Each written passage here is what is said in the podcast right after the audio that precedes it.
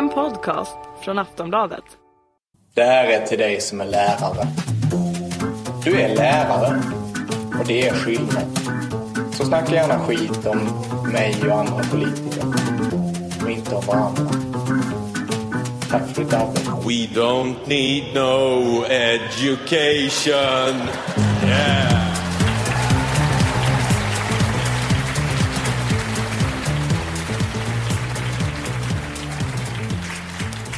Välkomna gott folk till Flumskolan, världens mest folkbildande podcast från Aftonbladet Kultur och Galago. Idag har vi begett oss till Sveriges största rosévinsfestival och Niklas Svenssons egen lilla del av helvetet, Almedalsveckan i Visby. Med oss idag har vi inga mindre än, han är riksdagsledamot för Vänsterpartiet. Välkomna hit, Ali Esbati. Tack, tack. Hon är ankare på fantastiska tankesmedjan i P3. Det är Dilan Apak.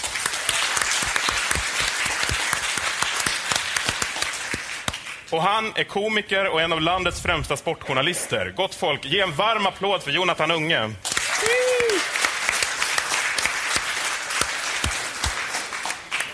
Och jag, ålderman, Grand Moff och studierektor här på Flumskolan är som alltid Johannes Klenell.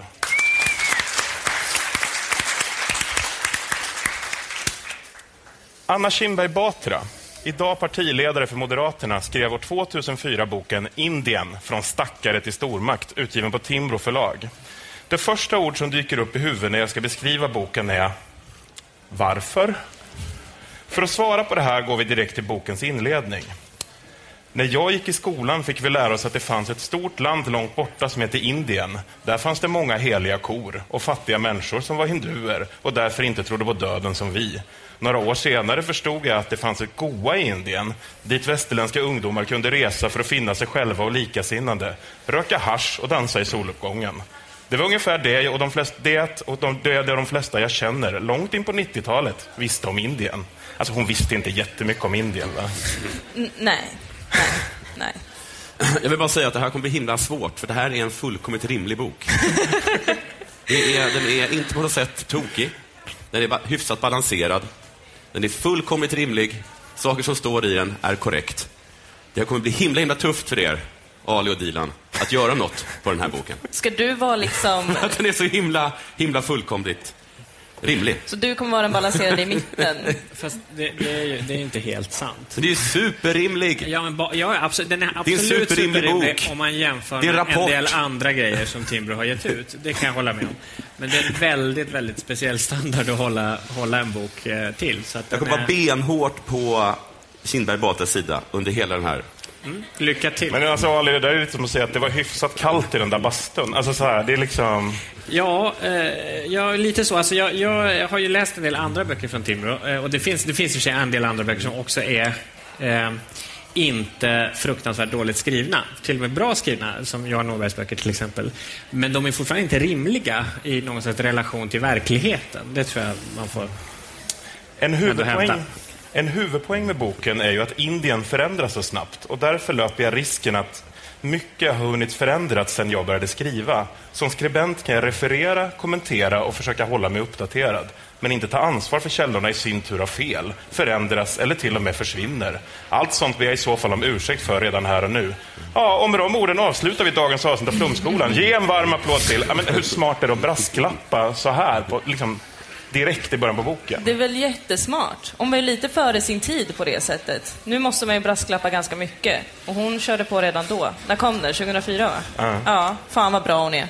Nu är jag på Anna Kinberg Batras sida. Vi får se i nästa citat om jag hoppar över på Ja, min sida. ser, det, det funkade ju på Jonathan. till. Han läste det stycket så bara, det här var ju rimligt. Ja, men vi har liksom... det är fullkomligt rimligt.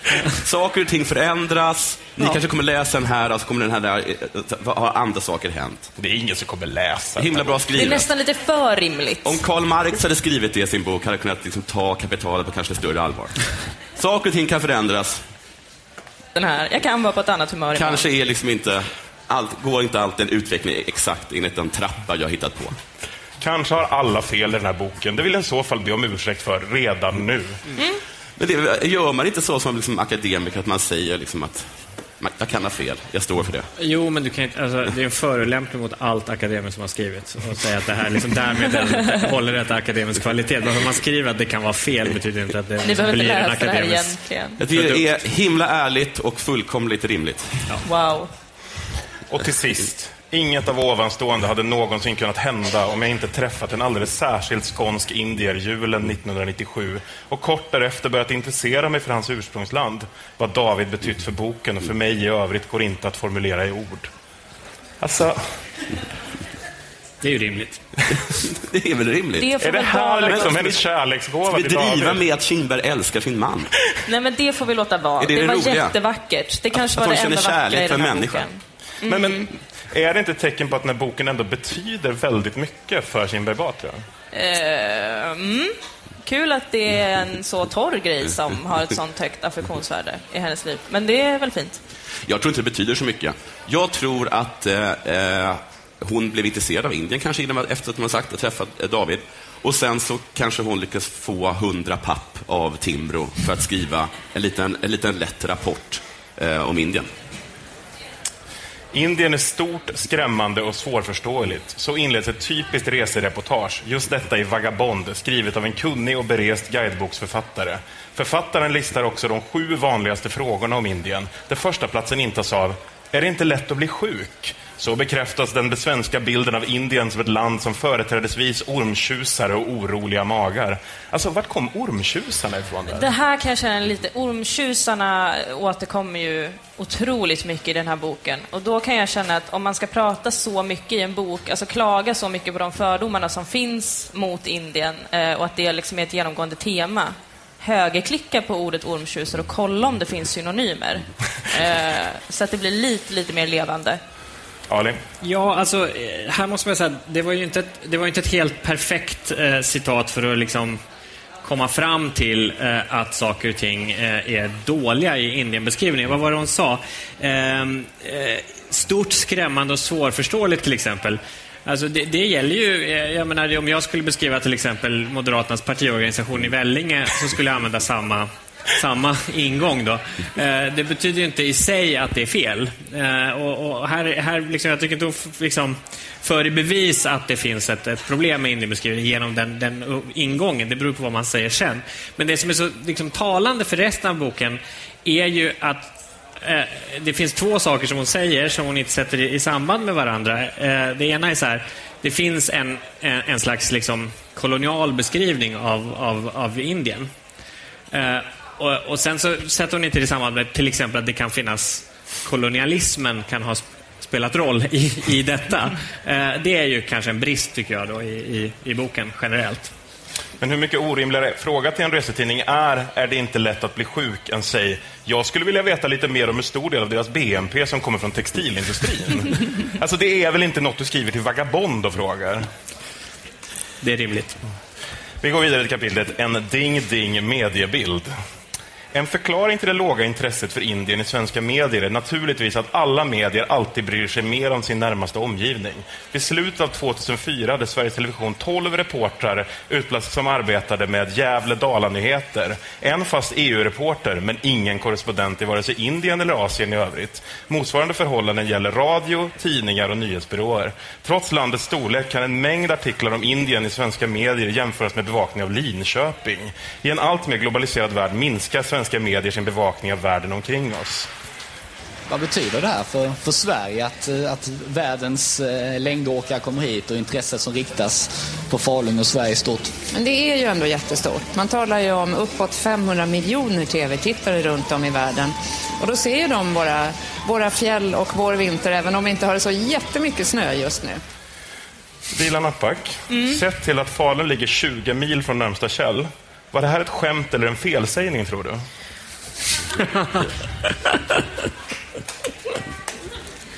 En felsägning som kanske skulle kunna bli ett skämt, eller vice versa. Eller bara ta det ur sitt sammanhang och göra en kul grej av det, hörni. Men, men sett till hennes egen koll på svensk geografi, skulle inte fler lokalreportrar kunna vara en rätt bra idé? Framförallt i Linköping, för där verkar det ju vara helt hysteriskt dåligt, har jag lärt mig av den här boken. Men den, den utvecklingen, den medieutveckling som hon mycket riktigt eh, be, beskriver, den är ju för övrigt en, en där ganska direkt eh, effekt av kommersialiseringen av, av medielandskap. Det hade jag gärna läst lite mer om. Jag vet inte vad Timbro tycker om den. Men visst är det en rimlig åsikt? Ja, Absolut. jätterimligt. Att, Skönt vi, att du att, sa det, att det är konstigt att vi inte har en korrespondent i en av världens, kanske världens största land.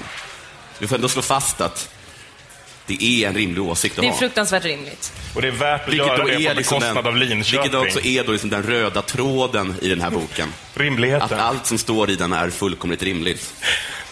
Världen har två miljardländer, Kina och Indien. I det ena av dem kan människor försvinna och avrättas utan rättegång. Men det är ändå Kina som beskrivs oproblematiskt och Indien som omringas av frågetecken. Även det Indien beskrivs som positivt och växande är det med brasklappar om fattigdom och klyftor. Medan, Indien, medan Kina okritiskt hyllas för sin effektivitet förknippas Indien med byråkrati och tröghet. Ja, men alltså, nu är det väl inte så att Kina skildras helt oproblematiskt, problematiserat eller okritiskt? Nej, och det känns inte som att det är så här en grej i Sverige att vi pratar om Kina Kinas effektivitet just. I alla fall kanske inte bara, eller? Nej, inte bara I alla kanske. fall inte i rimliga kretsar. Men, det det. Men jag, där kan jag tänka mig att de kanske så här vänder sig mot sina liksom, näringslivsvänner. Den här, som jag tror, tror att den här boken, att, att den talar till dem. Att de tycker att det är så himla härligt att göra affärer med Kina. För att om de behöver bygga en fabrik, men det ligger en miljonstad på den platsen, så kommer kineserna bara skövla den. För att de är så jävla effektiva. Det vill säga, de är en diktatur. Och det är väl så här, liksom, själva grunden med den här boken, tror jag, att varför håller vi svenskar på liksom politiker och näringsliv att rikta våra blickar och intressera oss så mycket för den här kommunistiska liksom, skitdiktaturen Kina. Och varför ägnar vi inte all liksom, uppmärksamhet åt Indien? Ja, försöka är, sälja vapen är en dit, till demokrati. exempel. Ja, de försöker och lyckas. Ja. och de är liksom som är demokrati. Vi borde liksom helt bara överge Kina och liksom gå in och satsa skitmycket på den här liksom växande stor, demokratiska stormakten. Liksom. Hurra för Indien! Men Jonathan, det är väl ändå värt att liksom skildra några klassklyftor i Indien när man ska prata om det? Hon intervjuar väl det är väl någon bonde som hon, har, som hon låter tala. Nej, hon har läst om den Hon bonden. har läst om den, ja. Det har hon gjort. Ja. Ja. Det får man ändå ge henne. Ja. Men hon är, men, Det är mer än vad många men andra vad på fan ska Timbro hon har gjort, fråga den bonden om? De vet ju inte ett skit om BNP. Och det är det den här äh, boken handlar om. Just In- det. Ja. Hon In- tillstår ändå att de finns. Och det är väl vackert? Visst Stanna upp vid det och bara mys över det faktumet. visst är Kina en större ekonomi som har större andel av världshandeln än Indien, vilket naturligtvis motiverar större plats i ekonominyheterna. Och visst är det korrekt att Indien har problem, att det finns flera hundra miljoner fattiga i landet och det tar tid att fatta beslut. Men skälet till att klagomål överhuvudtaget kan framföras, det är ju att Indien är demokratiskt. Alltså, svarar hon inte lite på sin egen fråga där? Liksom? Men det här var väl ännu ett väldigt rimligt citat? Eller? Ja. Nej, jag undrar mest bara om hon inte svarar på frågan. Ja. Hon är otroligt pedagogisk. Ja. Indien förknippas nästan lika mycket med hasch och meditation som med näringsliv, åtminstone i medierna, när Indien alls förekommer. Då är det inte konstigt att en besökande guru får en stor artikel i DN Ekonomi medan utrikeshandel, statsministerbesök och annat knappt får notiser. Och det är så, så som vår Indienbild dagligen formas. Jag tänker så här, alltså, jag vill inte vara sån va, men är det egentligen speciellt många överhuvudtaget som läser ekonominyheterna? Alltså, det krävdes ju nästan att PM Nilsson skulle förvandla Dagens Industri till en filial till SD-Kuriren för att den skulle nå bredare massor än några monopolgubbar med så hatt och monokel. Alltså, hur stort är intresset? Alltså, Nej, nu blev jag kränkt. jag, jag har intresserat mig för ekonomisidorna länge. Så eh, ja, så det var också rimligt.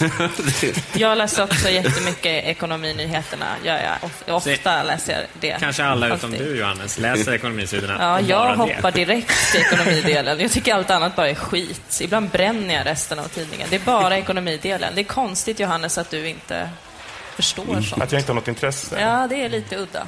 Men Göran Persson, han åkte åtminstone dit. Vilket gjorde honom till den första svenska statsminister som besökte Indien sedan Olof Palme. Palme var å andra sidan en desto flitigare gäst och har till och med fått en gata uppkallad efter sig i Delhi.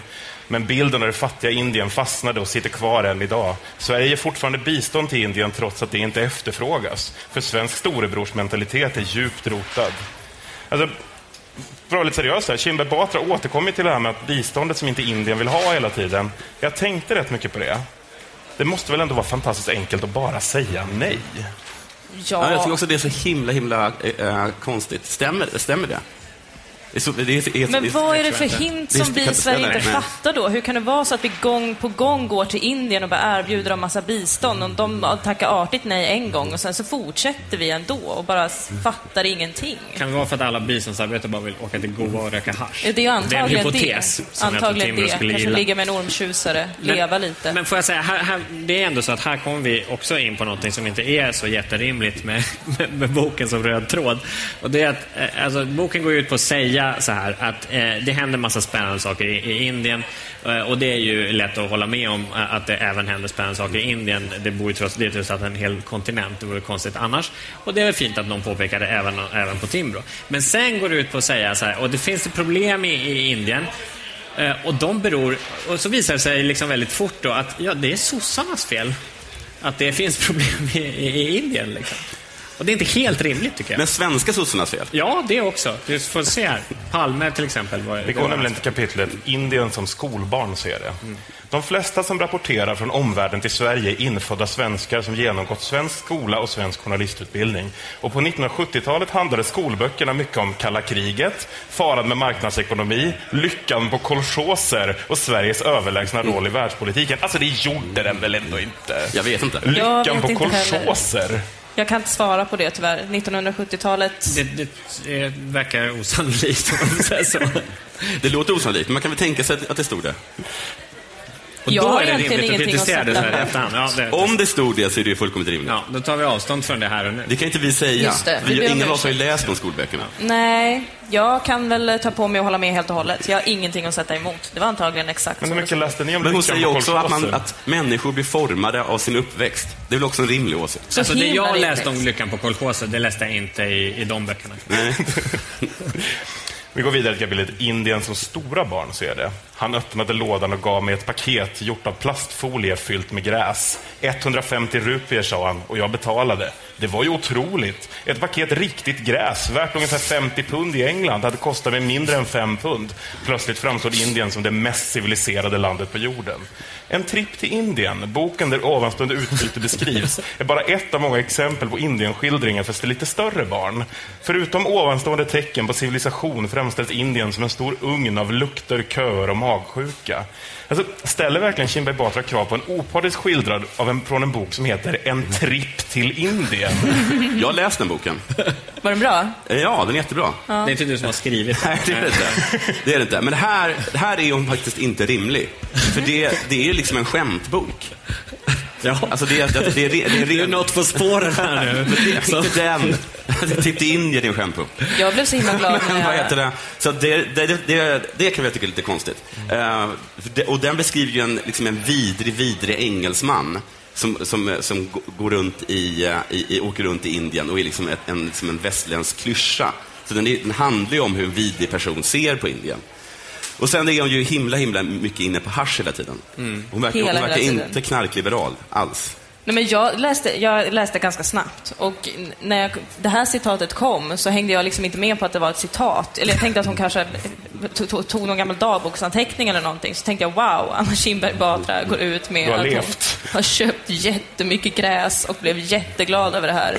Och sen förstod jag att det bara var ett citat. Jag ville bara dela med mig av den sorgen. Jag tänkte att det kanske kunde finnas något med henne som kunde vara Men lite de, hon är ju den där generationen efter Reinfeldt, eller hur?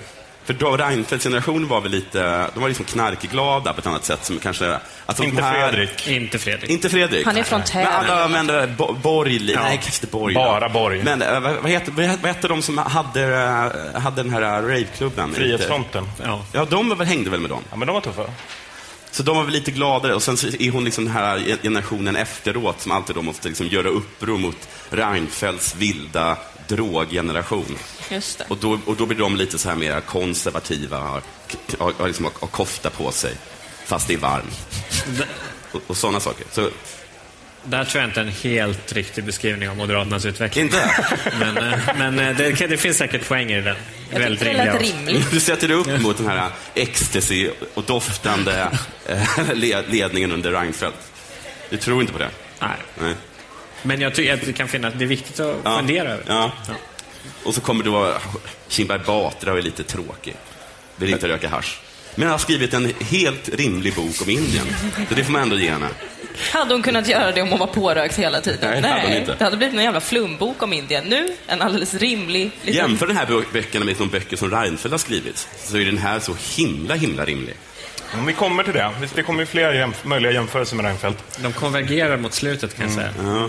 Jaha, okej, ja. Mm. Men det är inte bara från Goa liknande vykort skickas hem. Pune utanför Bombay skulle kunna beskrivas som Indiens Kista. Men när Pune porträtteras i svensk reportageform är det, är det i svenska L som besökt Osho-sektens internationella kommun i staden.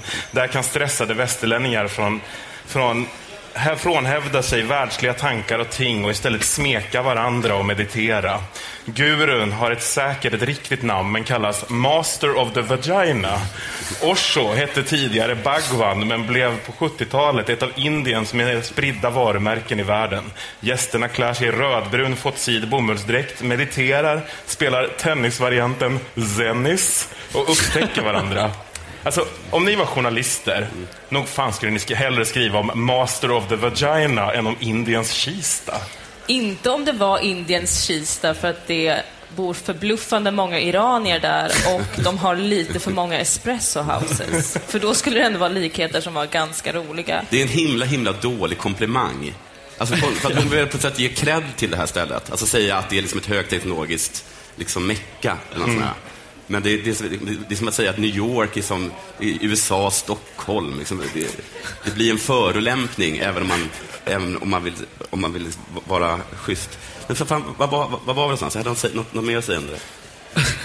Jo, men sen är ju också Kinberg, hon är ju smart. Det är en smart kvinna det här. Hon, hon berättar ju själv om när hon försökte så här, eh, kuppa in sig själv, alltså att, få- att få fler personvalsröster som skulle hamna högre upp på listan och äntligen komma in i riksdagen. Att, hon, att, hon, att hon gick ut på sin hemsida och, och sa liksom, om ni klickar här så kommer jag berätta mina sexfantasier. Och jag kommer bjuda på en nakenbild. Och sen så var det inte sexfantasier utan det var liksom sex helt rimliga politiska punkter. Helt rimliga. Och, hon menar, och därför tror jag bland annat att hon har tagit det här. För hon tänker så här, hur fan ska jag få Johannes Klenell att ta upp den här boken? Tänkte om detta Jag, jag 2004. kastar in en guru som heter Master Vagina. Det kommer han, det kommer han gå igång på. Det blir säkert ett avsnitt i Flumskolan. det, är ingen, det är ingen idiot som har skrivit den här boken. Nej. Det är en fullkomligt rimlig kvinna med rimliga åsikter. Nej. Det, det är två olika saker du sa nu som inte nödvändigtvis hänger ihop. Men, men eh, jag, jag, alltså, jag, skulle, alltså, jag, eh, jag skulle vilja veta mer om Master of the Vagina. Vad händer med honom? Vad tycker han om BNP-utvecklingen i Indien till exempel? Man får Och vad är lära- hans hemlighet? Man får lära sig i boken att 150 000 personer åker till och besöker den här mannen. Och aids-testas varje år, var det så? Det verkar vara en jättebra verksamhet. Att de har koll på läget och de är noga och de är rena och de har det fint och bra. Men som andel av Indiens befolkning är det ändå kanske Men de- liksom ungefär som hur många som åker till Almedalen. Ja, men det var ju också, det, är- det, är inga, det, är, det, är inga, ja, precis, det är inga indier som åker dit mest, verkar det verkar vara västerlänningar. Ja. Men sen så också eh, en litet tips till Master of the Vagina, att eh, det här med att man kommer dit och aids-testas, är det inte så att om man har, alltså det tar typ tre månader efter att du har haft sex som du blivit smittad med aids innan du kan se det på ett test? Men du vet fel? ju inte hur länge det här håller på. Det kanske börjar med tre månaders smeksex. Och sen går de vidare på tyngre grejer. Tre månader sennis. Jag säger så här, master of, master of the Vagina, use a condom. Om du var helt säker. Ja. Vi går vidare till Indiens historia. Men den som skyller hela Indiens ekonomiska mörkerperiod bara på kolonialtiden gör det lite enkelt för sig. Den första indiska telegraflinjen, billig postbefordran, Indiens järnvägar grundlades av britter och underlättade för det indiska folket att knytas ihop och till och med stärka sin frihetsrörelse. Britterna anlade spinnerier och grundlade möjligheter till industrialisering av det slag som de själva just gått igenom där hemma. Även om den indiska självständighetsmilisen varit stark så kom inte demokratin som en revolutionär indisk produkt, utan inspirerades och byggdes delvis upp efter brittisk modell. Sett till den här argumentationstekniken, är inte det lite som så här Hitler? Dum. Mycket dum. Men de här vägarna, de som ni har så mycket glädje av, Autobahn, De byggde han. Mm. Lite glad är ni i alla fall. Alltså, jag kan hålla med om till exempel att man kanske inte ska inleda liksom, eh, talet på Förintelsens dag med det citatet. eh, det kan jag hålla med om. Allt har sin tid och sin plats. Men... Visst har de en poäng. De fick ändå... Man kan ju alltid välja glädjen. De är fick väl det kanske som inte, Anna utan de tvingades bygga. förmedla. Men ändå, de Här- här är vi- med om att de har hemskt här- mycket järnväg. Ja, det, det har de. Men här är vi, alltså, jag måste ändå, eh, nu är du lite så här bakis-obstinat Ja, här, men, är men, men, men, men jag vill ändå, så här, nu närmar vi oss verkligen det stället där jag med emfas vill hävda att vi liksom börjar gå lite utanför det som är rimligt. Det är, alltså, det är Timbro-rimligt, men det är inte rimligt eh, att beskriva, eh, beskriva liksom, Timbro-rimligt, det är snarare P.J. Anders Linde-rimligt. Ja, men alltså beskriva liksom eh, eh, kolonialismens, kolonialismens historia eh, och dess effekter eh, på det sättet. Det, känns lite, det är lite så här skruvat och, och, och, och konstigt. Det är, hon kommer in på det många, många gånger. Eh, och så är det motsägelsefullt på, många, på eh, alltså där, där självmotsägelserna kommer liksom väldigt nära varandra. Om det hade varit en roman, typ så här Knausgård funderar, så hade det varit liksom en del av grejen att man kan, alltså världen är komplex och man, man men alltså om man ska driva en tes så blir det lite konstigt om man, om man säger saker som egentligen står väldigt tydligt emot varandra eh, med väldigt lite eh, mellanrum. Ett sånt är ju att hon säger så här Eh, ja, men eh, socialisterna, det var ju alltid eh, deras fel och, och det, allt, all fattigdom beror på, eh, pro- beror på det och att man försökte planera ekonomin. Och sen säger hon så här, Indien har ett jättebra utbildningssystem där man, som man är jätteglad och stolt över och som liksom gång på gång kommer tillbaka och förklarar. Det är ju skälet till att det går så himla bra för dem. I verkligheten var det ju så att det, det var ju det som liksom indiska eh, eh kongresspartiet och andra sådana socialistiskt inspirerade gäng eh, bråkade med IMF och Världsbanken om hela tiden. När de så här, Världsbanken sa så här, "Nej, skit i utbildningssystem, så här, eh, gör andra grejer för att öka konkurrenskraft. Och de insisterade åtminstone på att behålla sitt eh, utbildningssystem på ett bra sätt. Och så säger man så här, men det var ju bra, men socialisterna är ändå dumma i huvudet. Eh, Det, det där är återkommande. Eh, Jag tycker det var en rimlig kritik av boken. Vad tycker du? Det var en hyfsat rimlig kritik av boken, som är, en rimlig bok. Så, eh, så det, det stämmer. Men jag, jag förstår lite vad hon menar. Alltså, hon är ju tvungen att säga någonting om kolonialismen och den är ju inte bra, självklart. Och då- Men, man är även så tvungen. Men det finns ändå andra saker hon vill påpeka. Men hon måste ändå nämna det. Och så tar det lite emot. Så tycker jag var bättre om hon överhuvudtaget inte hade jag kan tänka mig om du ska skriva en bok, om du det. ska skriva en bok om, om Sovjetunionen så kommer du vara tvungen att, så här, du kommer vara tvungen att nämna liksom, Stalins massvält Mm. i Ukraina. Och jag är säker på, Ali, att du hade skrivit det lite motvilligt. Det- du hade, Boken eller det stycket. Du hade, du? du hade petat in det, för du måste. Men det hade... Åh, jag, jag tar det i en bisats. Gissar jag. Finns det då någon typisk eller genomsnittlig indier, medelsvenssons motsvarighet? Det beror på hur man mäter. Det visar sig vara. David Batras familj. är det inte så? Men åtminstone en fjärdedel av Indiens befolkning, det vill säga drygt en kvarts miljard människor, lever på en nivå som västerländsk medelklass skulle kunna känna igen sig i eller bli avundsjuka på. I den mängden ryms nämligen också ett fåtal av världens allra rikaste människor och över 60 000 dollarmiljonärer. Även om medelklassen fortfarande utgör en minoritet av Indiens befolkning handlar det om enorma folkmassor. Den indiska medelklassen uppnår och motsvarar idag hela USAs befolkning och snart hela EUs är alltså den genomsnittliga i Indien en av fyra och befinner sig någonstans mellan medelklass, dollarmiljonär eller världens allra rikaste människor. Men vilka är det då som liksom är högre upp på den skalan? Är liksom Indiens överklass så här rika på någon sorts intergalaktisk skala? Eller hur menar hon här? Hon lägger ju väldigt positiva liksom grundtankar kring Och var, Medelindien. och, och var i den här samhällsprövningen det kommer ormtjusarna in, är, är en fråga som jag Faktiskt. återkommer till. Alltså, det, det blir inte helt klart. De kommer tillbaks. Jag kommer tillbaks. Kastsystemet, relik eller realitet? det där är fan inte rimligt. Men är det inte? Jag tyckte- jag tyckte det var Okej, rimligt. Låt han läsa. Ja.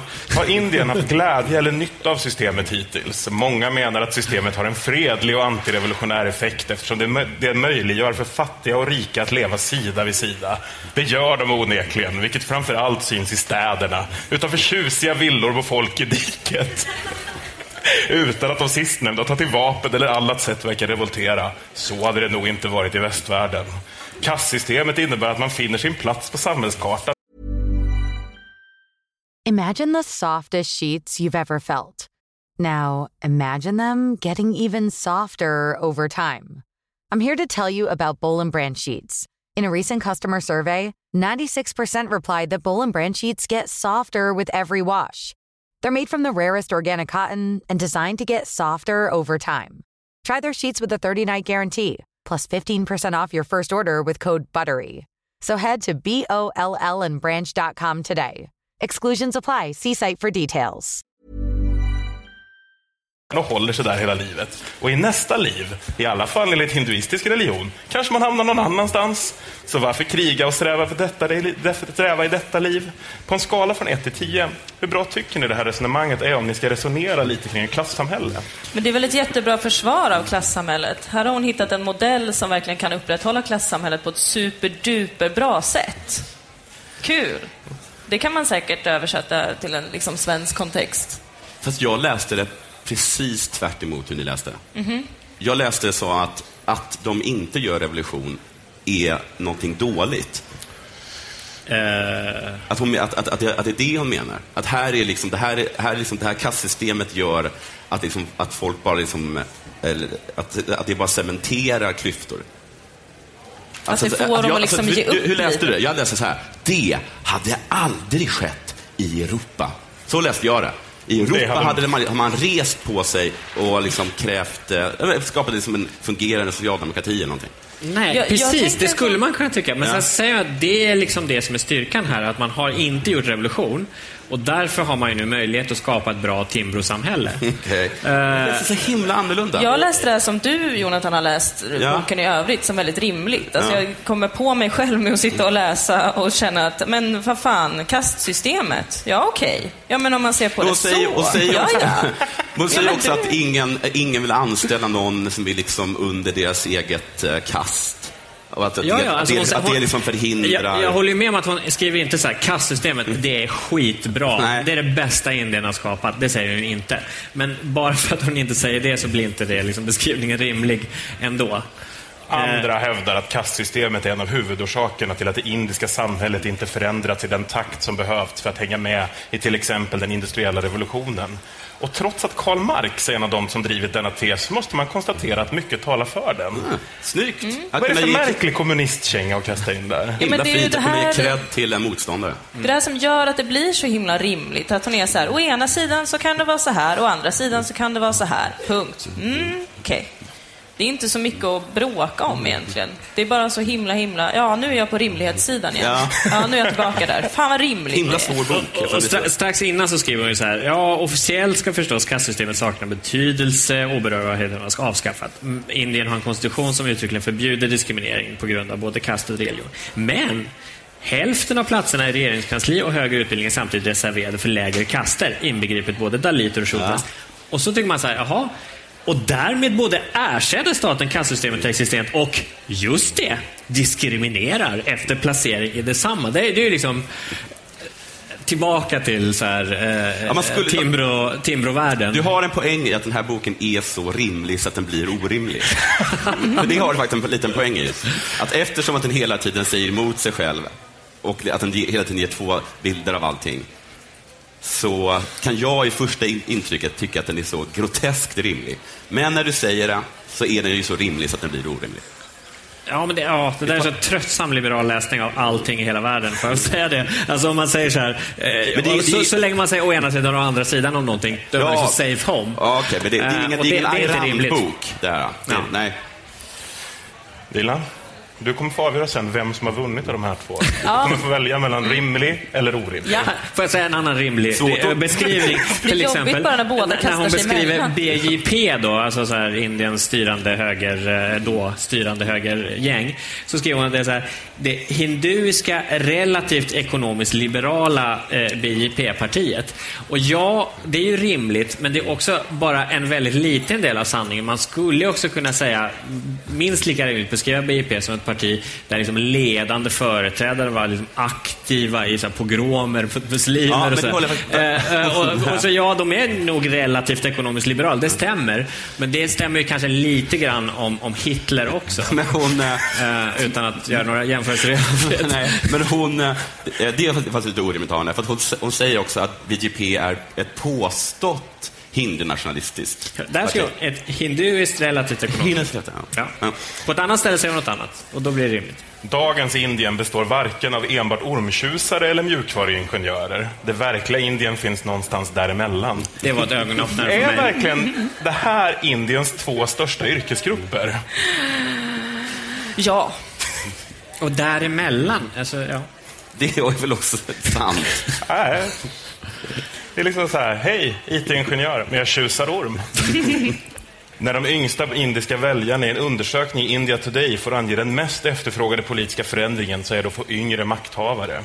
Jag undrar lite kring liksom så här, urvalet kring så här unga väljare här. Jag menar, kan det verkligen vara unga indiers, indiers största politiska önskan att få in lite fler, typ Gustav Fridolin i styrmakten? Alltså, vad är det de längtar efter? Men är... Ja, men det, ska, vara ska det vara rimligt på det så är det väl bara att de är sinnessjukt trötta på sina djupt, djupt korrumperade politiker. Men är inte det också... Det är, det är liksom, det är liksom en betonghäx eh, som sitter där. Jag vet, jag vet inte hur, många- hur många år sa de att, eh, att kongresspartiet hade haft makten där? Var så här 43 år, eller vad var det? Sen, sen, sen, eh, 37, 30, 37, 37 år av 53 eller något sånt där. De har- de har liksom suttit på den här makten så himla, himla, himla, himla länge. Här är väl kanske Och så inte... groteskt många har, har varit från samma familj. Liksom. Det är väl inte boken som är så rimlig här som de unga indiska väljarna. Det känns inte som jättekontroversiellt att unga väljare vill ha unga makthavare som fattar beslut kring deras liv. Det känns inte jättekonstigt. Så nu tycker jag att indier, unga indier är rimliga. Där står jag nu. Inte Jonathan längre. Eh, nej, nej, nej, nej. Men det kan ändras hur som helst, som ni märker. Jag har sett så här bilder från Kinas kommunistiska partis kongress. Ja. Var så här, hela första raden blev liksom inrullade i, så här, i, eh, för att de var för gamla för att gå. När storföretagaren G.D. Birla på 1960-talet skulle skicka sin son till USA för att studera predikade han vikten av att upprätthålla de indiska värderingarna. Han citeras i boken India Unbound. Ät bara vegetariskt, rök aldrig cigaretter och drick aldrig alkohol. Gå upp tidigt på morgnarna, gift dig ung, släck lamporna när du lämnar rummet, odla regelbundna vanor, promenera varje dag, vårda kontakter med familjen och framför allt, var aldrig extravagant. Låter inte det här som Jan Björklunds Almedalstal? Så här, tjusa inte orm i onödan. Det intressanta med den var att, att hon efteråt skriver så här. eh, De här råden får alla eh, ungdomar av sina föräldrar. Ja. Jag får inte alla. Men vad hon menar är också att män, till skillnad liksom då från, från det, det, där indier skiljer sig från alla andra människor, är att de också lyder de råden. Fast jag tycker det här påminner om eh, 90-talister. Svenska 90-talister. Det är väl exakt så här de beskrivs. Kanske inte att de bara äter vegetariskt, men att de röker lite, de super lite, de har bra rutiner. De vårdar sig själva, de tycker familjen är viktig. Det här är kanske ett litet integrationsprojekt. Också här blir det väldigt, väldigt konstigt inom loppet av väldigt få, få sidor. För här är det så här, ja, men här kanske är grunden till att det går bra eh, för liksom, indier och indiska affärsmän med de här liksom, fina råden som slutar med var inte extravagant. Men nyss har de, precis nyss har då beskrivit en annan hyllad eh, indisk eh, ekonom, eh, ekonomisk eh, liksom, eh, tjolahopp-ledare som, eh, som en jättefin och, och bra och dynamisk person som nyss då har ordnat ett bröllop för sin dotter genom att hyra hela Versailles. Eh, det känns, tycker jag, lite grann ändå på väg att bli extravagant. men det var en alkoholfri och rökfri fest. Och det serverades Det är sant. bara... Och det, det säger liksom yin och yang, det går ihop curry. och då, och då Och är de det som rimligt. gifte sig det är var otroligt Ja, Det är unga. sant. Kom till Versailles, ta med dina egna si. Kilnani ställer i sin bok The Idea of India frågan om det finns en särskild indisk kulturell identitet och vad den i så fall består av. Finns det någon gemensam nämnare mellan Kiplings klassiker och modern goa transmusik? Där de tvistar både de lärde och de styrande och det finns inget givet svar på frågan. Alltså tvistar verkligen de lärde och styrande om den gemensamma nämnaren mellan goa trans och Kiplings klassiker? Och också att man ska liksom beskriva indisk, genuin indisk kultur, så är det liksom Kipling och, eh, och Goa Trans. Det är alltså White Man Burdens Det känns, eh, det känns så. också lite på gränsen till orimligt, får jag säga. Men är det sånt här som Horace och Ebba Witt sitter och klurar på till morgonkaffet? Ja, kanske. det. Men jag vet inte om vi skulle liksom kanske komma in på det på något annat sätt, men på, när, hon också liksom beskriver eh, det här liksom, eh, det fina med, med, med Indien och att liksom Indien, det går bra för Indien i jämförelse med Kina då. Eh, och då tar hon några siffror om hur Kina och Indien klarar sig i olika sammanhang som kräver kreativitet. Och då en sån här eh, eh alltså, så siffra, alltså är antalet patent i USA ganska rimligt. Och sen så här, Hollywoodstjärnor från landet. Eh, och antal Clio-priser, parentes internationellt reklampris. Eh, Jag tycker det känns inte helt långsökt att tänka att folk som gör reklam på kinesiska eller på mandarin har lite svårare att slå igenom i USA än folk som gör det på engelska. Eh, men, men också att Hollywoodstjärnor är liksom toppen på beskrivning av, av liksom global kreativitet. Eh, är inte heller eh, bara rimligt i alla fall. Var någonstans är de här hittade ifrån, de här siffrorna? Eh, från någon eh, in, indisk född Tarun Khanna som är professor i företagsekonomi på okay. Harvard Business School. Okay. Jonathan ska kolla upp den källan nämligen. Nej, jag tyckte också det var lite kul faktiskt. Också, jag har ingen aning om vilka de här två indiska Hollywoodstjärnorna är. Eller de här två Tre, kinesiska? Elva, nej, kinesiska, nej. nej Ni är på väg att dra iväg här. Ja. Hälften av Indiens befolkning är idag under 25 år. Kommer de att växa upp eller gå under av svält och sjukdom? Och om de växer upp, hur kommer de då försörja sig och bete sig? Det är en rätt stor fråga det här ändå, men vad svarar Kinberg Batra? Det enda vi säkert kan säga är att alla om tio år inte kommer vara antingen fattiga bönder eller välmående IT-konsulter. Istället är det medel-Indien som finns någonstans däremellan som blir morgondagens beslutsfattare och som kommer att avgöra åt vilket håll Indien går. Alltså vad är det här för jävla svar? Är det ormtjusarna? Men varför får vi aldrig veta vilka de är däremellan då, så vi kan föreställa oss lite? Det är, ja, det är kul att de inte dör i alla fall. Det är lätt att bli överrumplad av Indiens potential. Indien är mycket, mycket mer än IT och ormtjusare. Alltså hon besatt av den här liknelsen. Ja. Indien har alla förutsättningar att växa ur sin slummer och knyta bättre och starkare band med omvärlden, att återta rollen som en av världens stormakter med ett rikt och välmående folk. Men Indien har tackat nej till den chansen förut och kan göra det igen. Bortom bilden av IT och ormtjusare finns en tuff verklighet där det fortfarande är svårt att svårare att överleva där än här. Menar hon att livet är tufft för en ormtjusare? Men jag förstår inte varför hon liksom... För att hela grejen är ju att hon stör sig på att alla andra tror att Indien bara är antingen eh, IT eller ormtjusare. Men det blir som att hon, hon tar upp det så himla mycket att man sen känner att är det här bara, har hon skrivit den här boken till sig själv? Är hon irriterad på sin egen stereotypa bild av Indien men att hon liksom förklär det på något sätt? Jag fattar inte. Men det som är, det, det som är faktiskt på, på, på, riktigt väldigt märkligt och, och, och, väldigt irriterande, det är ju att alla de här sakerna, alltså när hon beskriver liksom problem med kastsystemet eh, eh, och att eh, ja, trots att kastsystemet inte ska finnas så är det ändå så att folk tittar efter liksom, vad, vad tjänar din farsa och var kommer, var kommer han ifrån och sådär.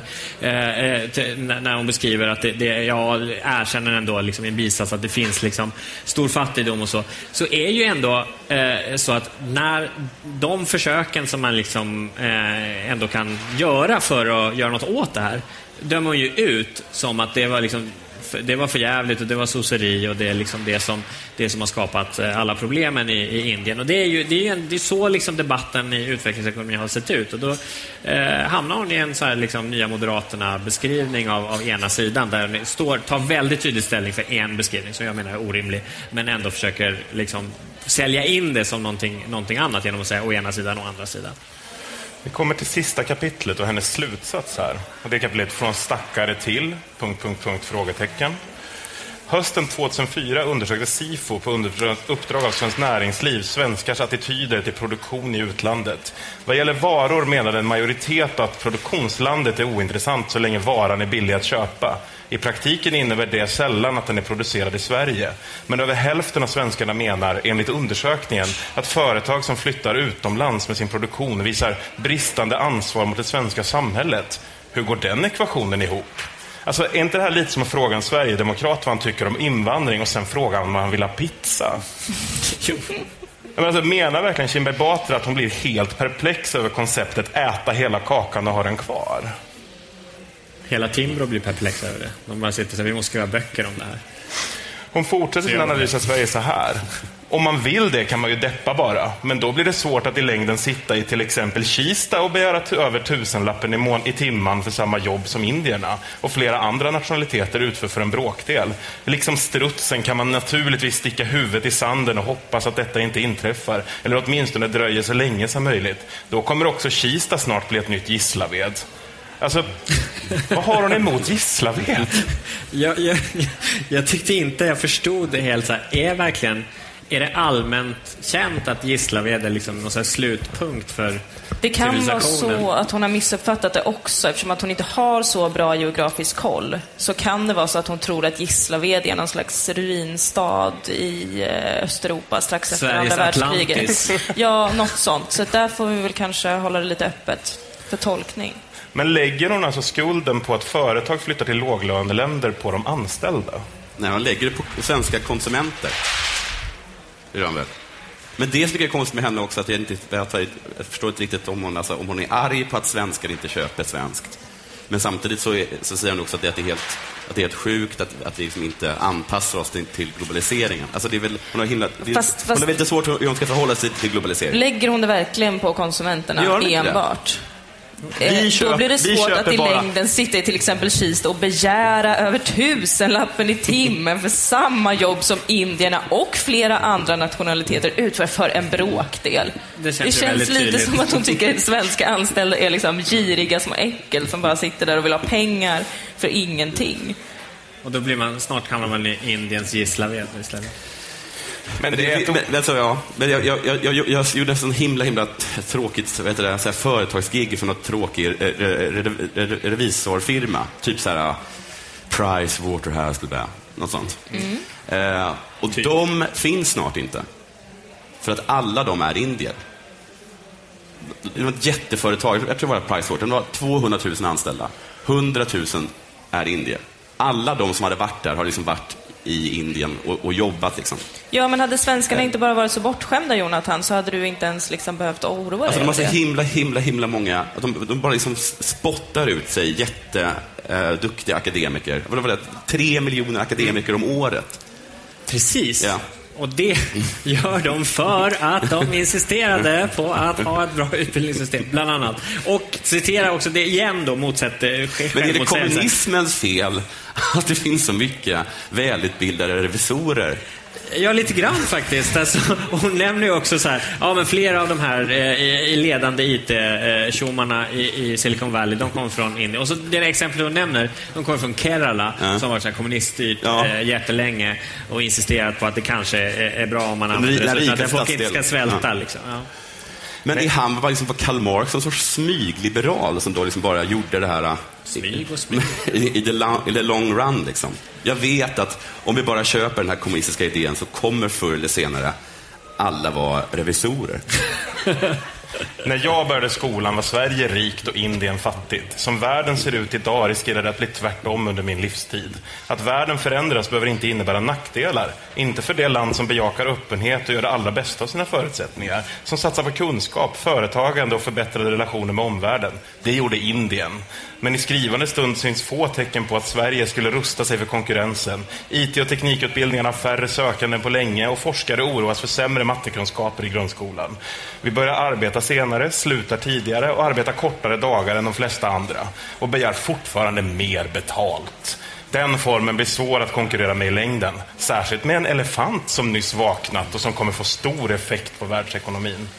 Nu siktar ju Shembe Batra på att bli statsminister 2018. Om Sverige var ett glas, skulle vi då få en statsminister som beskriver glaset som halvfullt eller halvtomt? Men jag kan vi bara backa en liten sekund och säga att efter denna beskrivning om, om saker som är fel i Sverige, så det, alltså, vad, vad kommer liksom? Så det kommer ju inte något svar här, men, men eh, liksom det svaret som blev senare då, efter den här boken, det är ju så här, vi måste ha rutavdrag. Eh, Det känns inte helt så här, som ett adekvat svar på det här. Så här, vi måste utbilda mer vi måste ha så här, industripolitik som funkar vi måste så här, satsa på och, och skärpa oss. Och bara, ja, kör vi rutavdrag istället. Men för att få en sak, bara, det är kanske bara för att jag inte har någon som helst kunskap om det, men har, vad har liksom den svenska vänstern haft liksom för syn och relation till Indien? För det framstår som en till skillnad liksom från, från vänsterns andra gulleländer, Sovjetunionen och Kina, som är sån himla, himla mycket trevligare eh, liksom, eh, eh exempel att lyfta fram.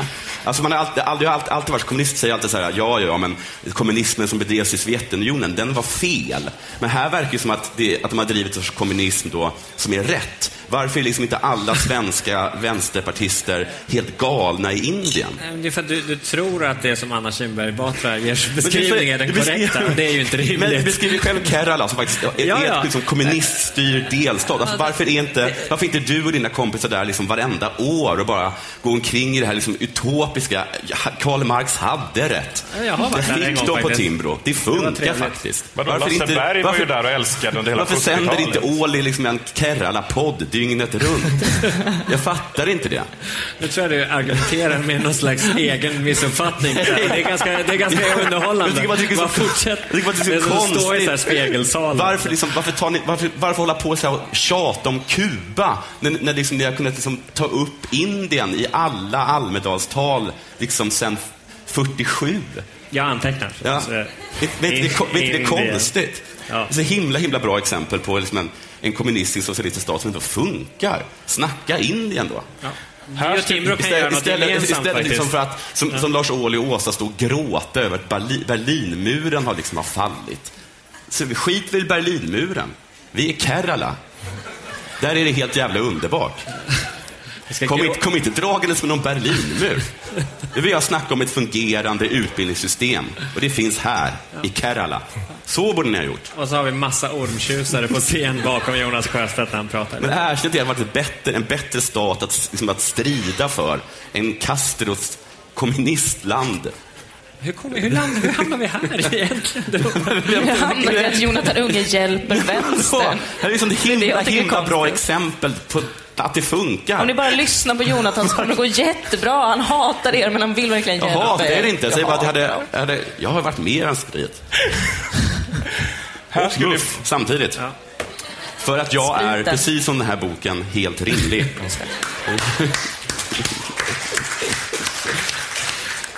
Här skulle ju boken kunna vara slut och det här avslutet slut. Men istället kommer det här kapitlet. Delhi, 26 januari 2051.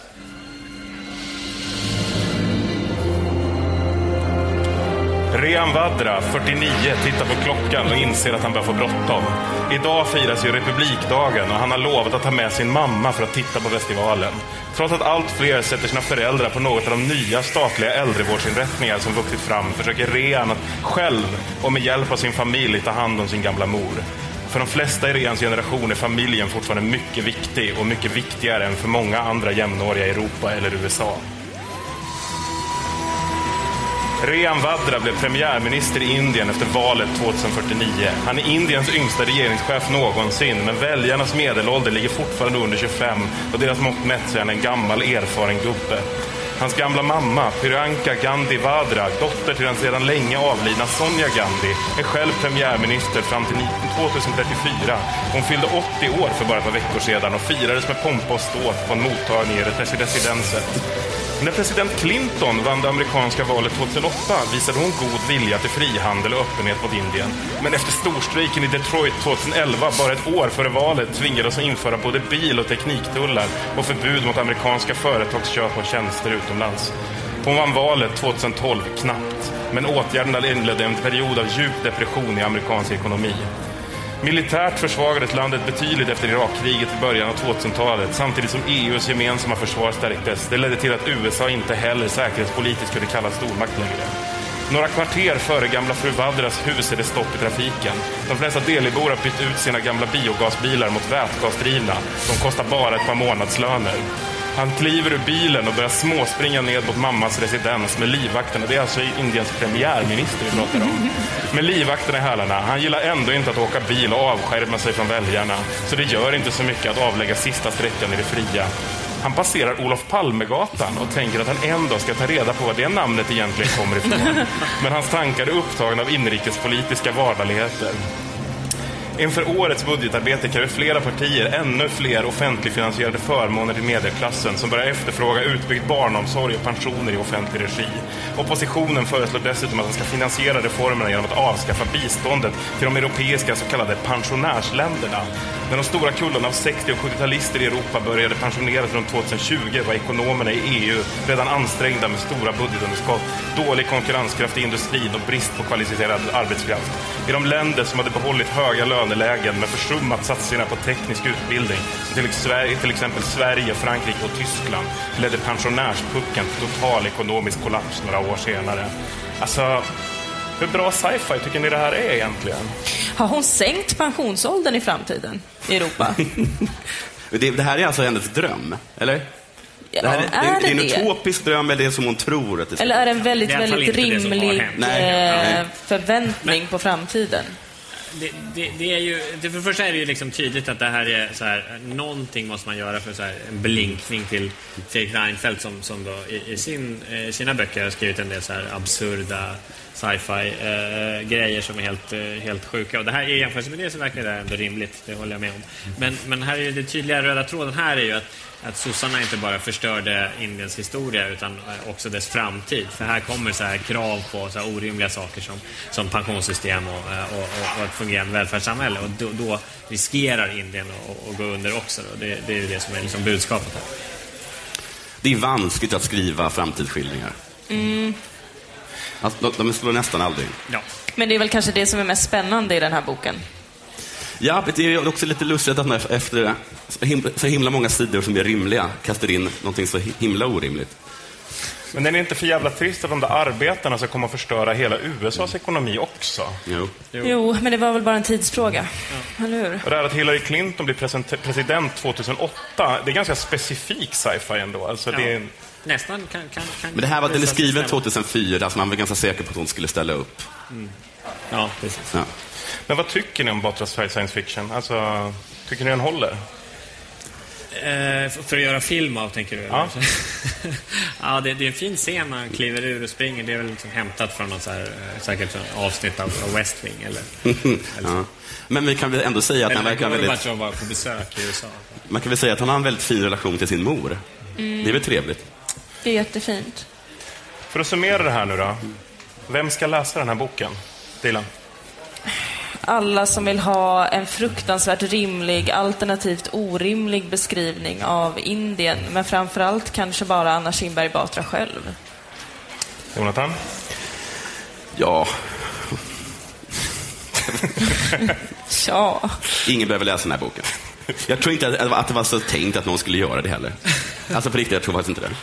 Nej, det är möjligt. Men, men jag tror att kanske fler borde ha, ha läst den. Det här är ju en slags övning i det här sättet att eh, hävda eh, ganska orimliga saker på ett sätt så att det låter rimligt och kan säljas in till en bredare skikt i, i, i befolkningen.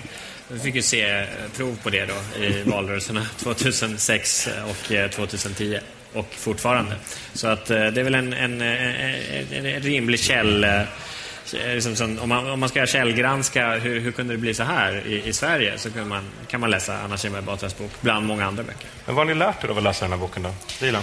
Jättemycket om Indien. Eh, Det fanns många fina tabeller och diagram och så vidare i boken som var väldigt lärorika. Eh, Vad mer? Hon är besatt av ormtjusare. Olof Palme har en gata i varenda jävla land. Och det var väl det. Jonathan? Eh, men det, jag, jag tyckte man visste det mesta. Jag visste faktiskt inte att det var så socialdemokratiskt slash socialistiskt. Nej, eh, och det är inte säkert att det var det heller. Så, så, eh, så det är väl synd om du har lärt dig det. Men, men eh, jag har också lärt mig att en indikation på hur liksom, man ska se på en lands plats i världen i framtiden är citat Indiska skönhetsdrottningar vinner världsomspännande tävlingar. Det, är en sån, det verkar vara en klockren indikation på varför, hur, hur, liksom, hur bra och ljust det ser ut för, för Indien i framtiden. Så det, Men- det var ju lärorikt tycker jag. Men när, de går, när de på- riktigt, på riktigt, de har, de de, att Sverige, det är ju liksom en sk- skitland, för jag har ingenting mot, mot Indien liksom. Men eh, när de går, vi kommer ju förstå att de kommer att behandla oss väldigt illa. De, har, de har- de har med någon indier som, som, som, som gör sig lustig över hur dumma eh, amerikanska butiksbeträden är. Finns det något så här? De kommer vara fruktansvärda mot oss. Så som vi varit mot dem kanske. Det kommer inte bli kul. Det Ja. är himla, kommer vara himla, himla jobbigt för oss när, när västerlandet inte är störst. Därför måste vi ha fler utanför. Jag har i alla fall lärt mig att Indien är mer än bara ormtjusare och mjukvaruingenjörer. Att orden inget ont som inte får något gott med sig kan appliceras på kolonialismen. Samt att en master of the vagina just nu skapar medieskugga över Indiens Kista.